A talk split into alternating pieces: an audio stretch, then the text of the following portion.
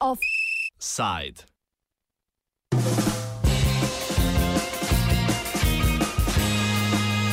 Plačne anomalije slovenske policije.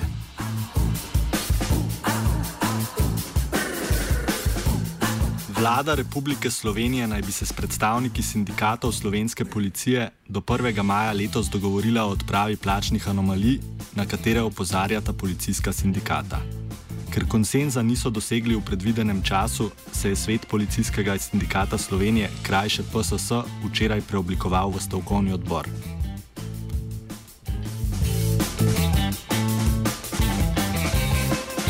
Odprava anomalij zadeva razvrščanje delovnih mest v ustrezne plačne razrede. To predvsem zadeva delovna mesta znotraj plačne skupine J in delovna mesta pooblaščenih uradnih oseb. Sindikat namreč opozarja, da vlada v podanem predlogu aneksa k kolektivni pogodbi delovna mesta pooblaščenih uradnih oseb v državni upravi izenačuje z delovnimi mesti policistov.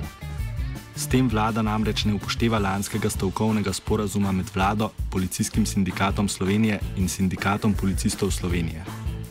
Lanski, lanski stavkovni sporazum je namreč predvidel delno diferencijacijo vrednotenja delovnih mest med policisti in kriminalisti nasproti ostalim pooblaščenim uradnim osebam. Generalni sekretar sindikata policistov Slovenije Kristjan Mlekuš dodaja. Vlada po oceni sindikata policistov Slovenije ne spoštuje uh, dogovora v točki, uh, ki je govoril o odpravi anomalij na nivoju javnega sektorja in sicer zaradi tega, ker v dogovoru je jasno uh, zabeleženo, da se najprej odpravijo anomalije v plačni skupini J, to je strokovno-tehnični kader, potem anomalije, ki so bile ugotovljene 2009 in pa oblaščene uradne osebe. Šele na to pride vse ostalo. Ehm, na vrsto.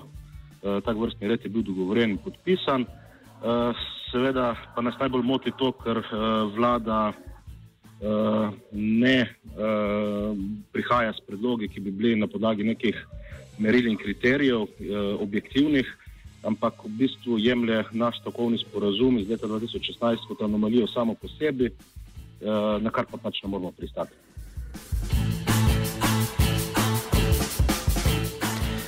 Tem predstavniki sindikatov slovenske policije opozarjajo na vladno pripravo nabora zakonskih sprememb, sodeč po katerih se vojakom, gasilcem in ostalim uniformiranim poklicem obeta tudi do 40 odstotno višanje plač.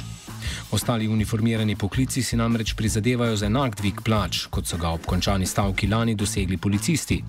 Slednji dvigo plač ostalih uniformiranih poklicev ne oporekajo, vendar nasprotujejo izenačitvi teh s poklicem policista, dodaja Udovč govorimo o vseh informiranih, eh, uniformiranih poklicih v javni upravi, kratko in drnato povedano.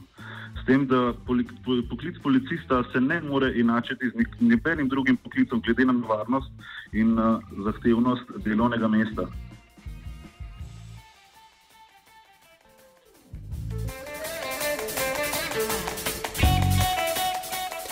Sindikat policistov Slovenije se bo, kot pove Mlekuš, policijskemu sindikatu pridružil jutri, pri čemer se bo tudi sam preoblikoval stavkovni odbor. Neupoštevanje strokovnega sporazuma strani vlade predstavlja srednji razlog za oblikovanje stavkovnega odbora, temu pa botruje še znižanje stopnje poklicnega zavarovanja. Nov pokojninski načrt prispevno stopnjo za poklicno pokojnino znižuje z 9,25 odstotka na 8 odstotkov, pri čemer ta ne zadeva le policistov.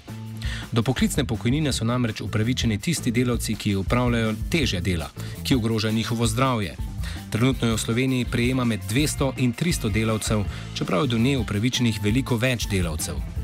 Znižanje prispevne stopnje v sindikatu razumejo kot dodatni vrčevalni ukrep vlade, s katerim bo po njihovi oceni prihranila znesek med 3 in 4 milijoni evrov letno. Več pove Klemen Udovč, član izvršnega odbora policijskega sindikata. Odločitev temelji na dejstvih, da vlada ponovno ne spoštuje svojih zavez glede vrstitve in ustrezne, ustrezne plačne razrede zaposlenih v policiji in MNZ. Prav tako pa je bil v škodo policistov in policistk sprejet nov pokojninski načrt, ki, prispeva, ki prispevno stopno znižuje z 9,25% na 8%, kar je glede na zahtevnost poklica policista nedopustno. Vendarle pa ne moremo govoriti o nazadovanju plačnih razmer slovenskih policistov.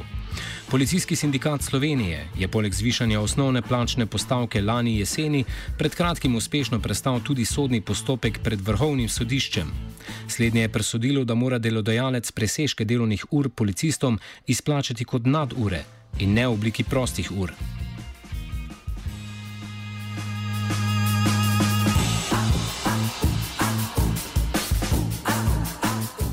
Največjo težavo je po mnenju sindikatov predstavljala prav enostranska kompenzacija presežka ur strani delodajalca.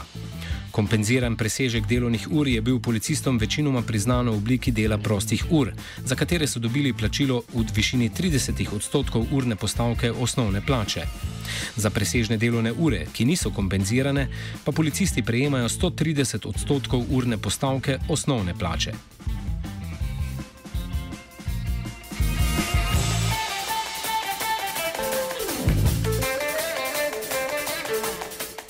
Nedavna odločitev vrhovnega sodišča pa delodajalcev omogoča, onemogoča se upravičujem, enostransko določitev kompenzacije presežka delovnih ur.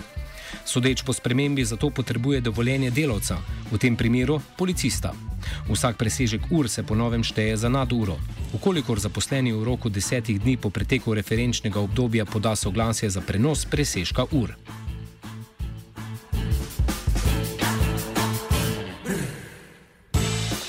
Trenutno mineva osmi mesec od konca zadnje policijske stavke, ki se je po 323 dneh uradno zaključila z realizacijo prve točke stavkovnega sporazuma in sicer z izplačilom višjih osnovnih plač. Več o pričakujočem razpletu dogodkov in morebitni stavki slovenske policije za konec pove Udovč. Stavka zaenkrat še ni napovedana, je pa tako, da ukolikor se bo nadaljeval ignorantski odnos vlade do poklica policista in zaposlenih v policiji in ministrstvu za notranje zadeve, kateri je celo v nasprotju z veljavnimi kolektivnimi pogodbami in načelom, načeli pravne države, bomo v policijskem sindikatu Slovenije prisiljeni napovedati stavko, da zaščitimo pravico zaposlenih v Ministrstvu za notranje zadeve in policiji.